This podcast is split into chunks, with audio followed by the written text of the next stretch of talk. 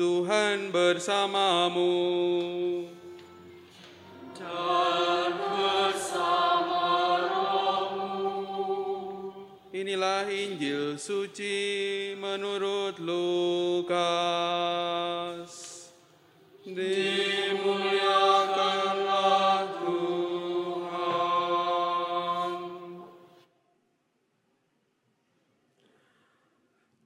Sekali peristiwa, setelah Yesus menyampaikan beberapa nasihat, para rasul berkata kepadanya, "Tuhan, tambahkanlah iman kami."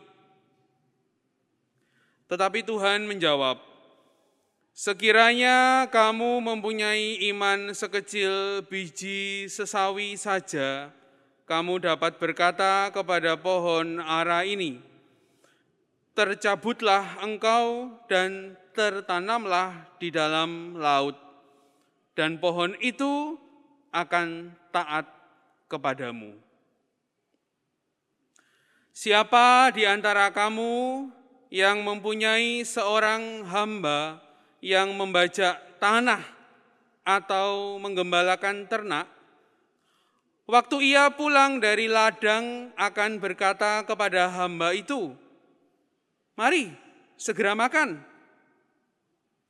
Bukankah sebaliknya ia akan berkata kepada hamba itu, "Sediakanlah makananku, ikatlah pinggangmu, dan layanilah aku sampai aku selesai makan dan minum. Sesudah itu, engkau boleh makan dan minum." Apakah ia berterima kasih kepada hamba itu karena hamba itu telah melakukan apa yang ditugaskan kepadanya? Demikian jugalah kamu. Apabila kamu telah melakukan segala sesuatu yang ditugaskan kepadamu, hendaklah kamu berkata, "Kami ini hamba-hamba yang tidak berguna." Kami hanya melakukan apa yang harus kami lakukan. Demikianlah sabda Tuhan. Terpujilah Kristus.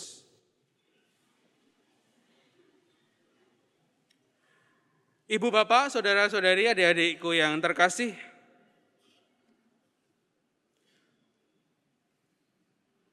ada seseorang yang rumahnya kebanjiran. Ya, ada seseorang yang rumahnya kebanjiran. Air mulai naik, naik sampai ke lutut. Maka orang itu kemudian diajak oleh keluarganya untuk segera pergi mengungsi tapi orang itu mengatakan, "Tidak, saya percaya Tuhan akan menolong saya." Airnya naik lagi, Ibu Bapak, saudara-saudari, adik-adik yang terkasih.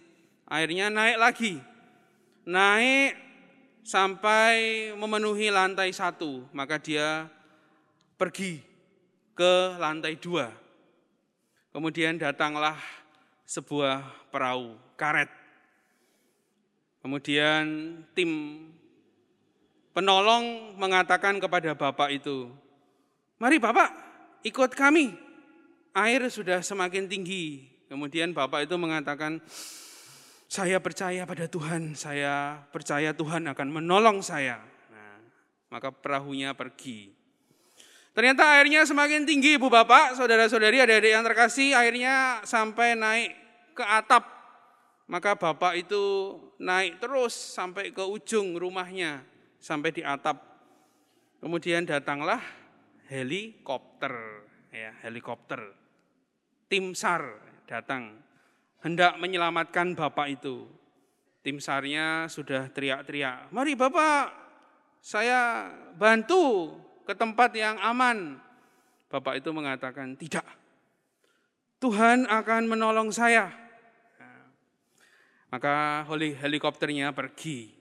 Dan setelah helikopternya pergi, airnya semakin tinggi dan bapak itu akhirnya mati karena tenggelam, tidak ya, bisa berenang. Gitu. Nah, bapaknya mati, masuk ke alam surga.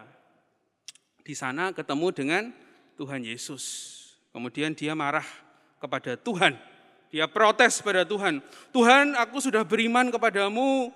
Kenapa engkau tidak menyelamatkan aku? Kemudian Tuhan menjawab, Loh, tadi kan sudah saya kirim perahu karet, sudah saya kirim helikopter, kenapa kamu tidak mau ikut mereka?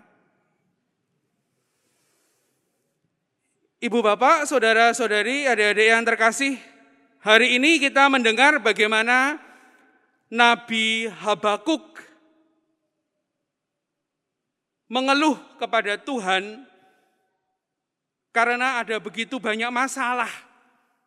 Ada begitu banyak masalah, ada kekerasan, ada kejahatan, ada penganiayaan, ada pertikaian. Ada banyak masalah.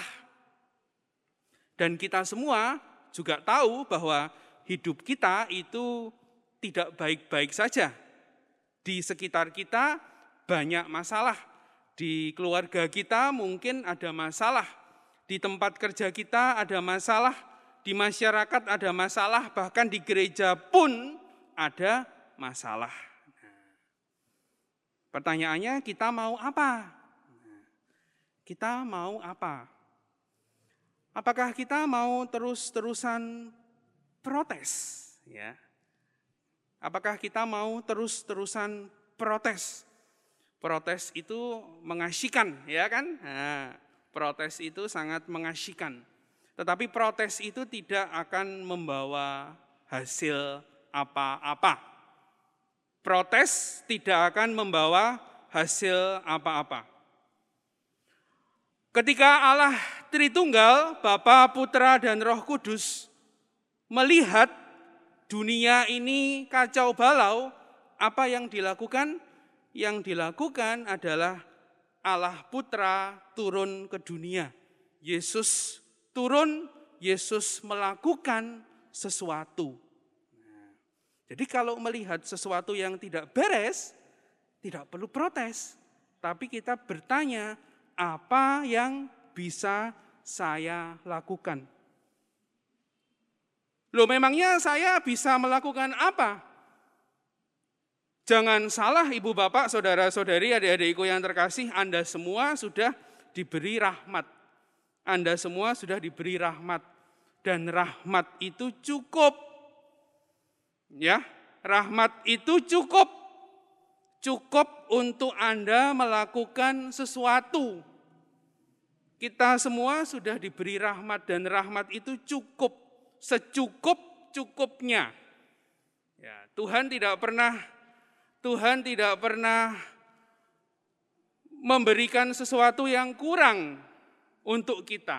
Nah, maka kalau kita memang sudah punya rahmat yang cukup, kita sudah punya daya, kita sudah punya kekuatan, maka kita bertanya, apa yang bisa saya perbuat? Apa yang bisa saya perbuat?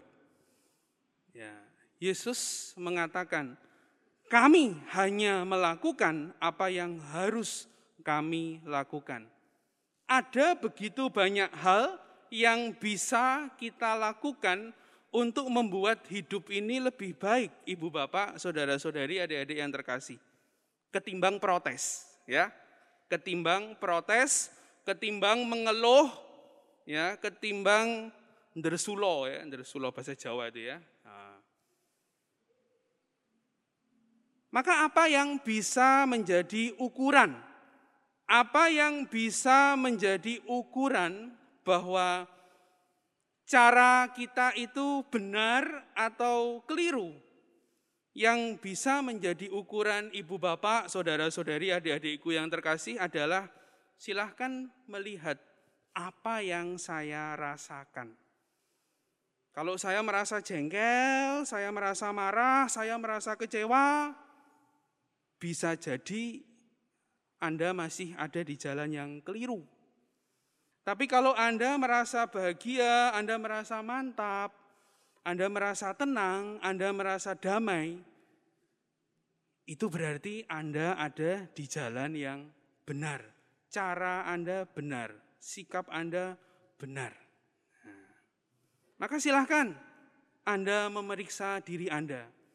Kalau isinya hati ini rasanya panas, marah, kecewa, pahit, Hati-hati ibu bapak, karena Paulus mengatakan buah roh adalah sukacita, kebahagiaan, dan cinta kasih. Maka kita mohon rahmat Tuhan agar kita berani berbuat sesuatu untuk membuat lingkungan, membuat hidup ini menjadi semakin baik.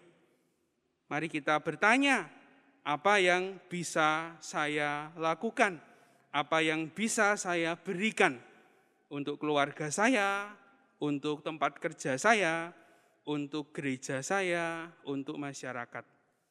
Kita mohon rahmat Tuhan. Amin.